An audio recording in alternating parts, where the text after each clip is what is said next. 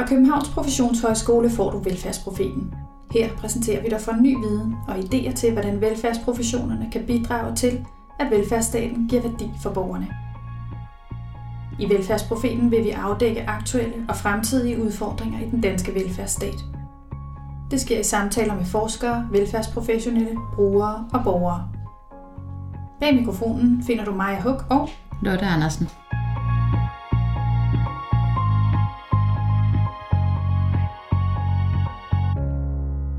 I dag taler vi med formanden for Psykiatrifonden, overlæge i psykiatri, Torsten Bjørn Jacobsen, om han stadig tror på den danske velfærdsstat. Velkommen, Torsten. Goddag. Tror du på den danske velfærdsstat? Jamen, øh, der er simpelthen ikke andet at gøre.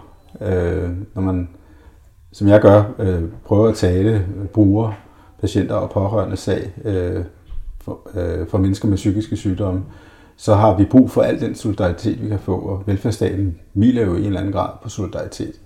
Så det har vi brug for, at den virker. Mm. Og i det perspektiv, hvad er så velfærdsstatens opgave i dag? Velfærdsstaten har forskellige områder. Nogle er smalle, og nogle er brede. Men nogle af de smalle områder er også blevet bredt mere ud. Og måske specielt, hvis vi taler sundhedsområdet eller mennesker med psykisk sygdom, så, øh, så var det jo oprindeligt sådan måske en mere smal målgruppe, dem der virkelig havde behov, som velfærdsstaten tog sig af. Og nu, er det, øh, nu har vi ligesom på en eller anden måde bredt det ud. Øh, og det er spørgsmål, om det er hensigtsmæssigt for, hvordan vi bedst løser opgaven.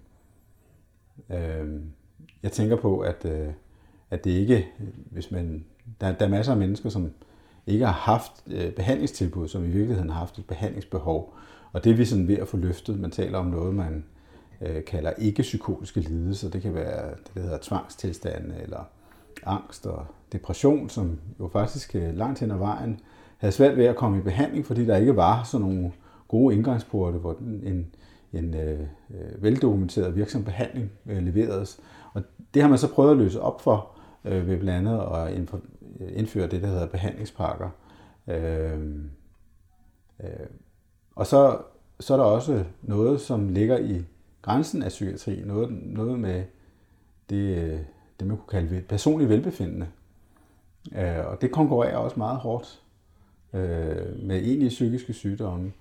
Og en stor taber i det her, det er, det er de mennesker med de allersværeste psykiske sygdomme, de mest komplekse tilstande. Det er ligesom om, at de har sværere ved at konkurrere øh, med de her mere åbne øh, forhold, hvor, hvor tingene ligesom er blevet øh, åbnet op til en bredere gruppe af befolkningen. Og man kan sige, at psykiatriområdet det er også et af de velfærdsområder, som virkelig har forandret sig over de sidste 20-30 år, hvor at det, førhen der blev de meget syge, de blev behandlet i sådan nogle mere lukkede institutioner, og nu har man prøvet at åbne og normalisere og afstigmatisere, hvis man skulle bruge sådan et goffmansk udtryk omkring psykisk sygdom. Kunne du sige lidt om udfordringerne i forhold til det, at, øh, at det er blevet mere normalt, og flere, måske mindre lidende, også får en diagnose?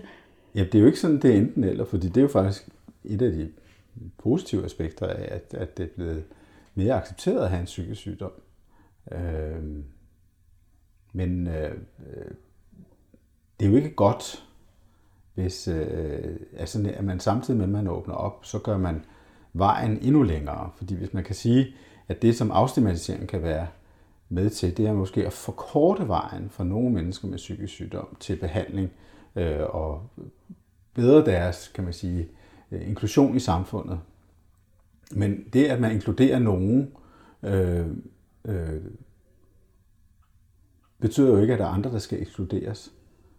Og i og med, at, øh, at øh, vi jo ikke har fået ret mange flere midler, og der er nogen, der faktisk tvivler på, om man egentlig ikke dengang man havde asyl, psykiatri, og man ikke sådan på den samfundsøkonomiske plan investeret meget mere i det. Øh, og det er ikke fordi, vi skal tilbage dertil.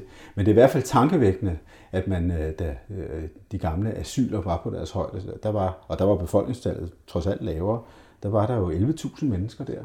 Og i dag, der har vi, hvis man skal se sådan på, øh, hvad vi har af institutioner, der tager hånd om folk med svære øh, psykiske sygdomme, jamen så har vi jo under 3.000 sengepladser, og vi har måske 6-7.000 socialpsykiatriske bosteder med en langt større befolkningsgruppe. Så det er ligesom om, at vi har, vi har ikke været lige så rundhåndet øh, i den her afstigmatisering. Samtidig kommer der også meget større grupper af, af, af mennesker, som har et ønske om at blive hjulpet.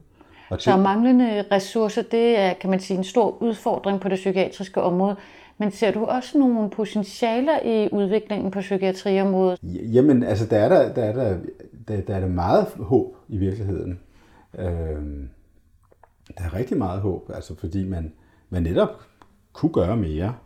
Øh, og, øh, og, øh, og der er også det her, at man fra at vi har haft 3-4 års planer, der ligesom har fulgt rammerne for forskellige satspuljeforlig, øh, og det har sådan været klas, klatbehandling rundt omkring, så at det, at man nu samstemmende i hele, på hele borgen siger, at det skal være en 10-årsplan, det lyder også meget godt, men det er jo helt afgørende, hvad indholdet i sådan en 10-årsplan. Mm. Fordi hvis, det, hvis, hvis den ikke øh, bliver dækkende på en eller anden måde, så bliver det jo alarmerende at vente 10 år på, at der skal komme noget nyt. Øh, ja. ja. Men tusind tak, fordi du vil øh, dele dine betragtninger på psykiatriområdet med os. Selv tak.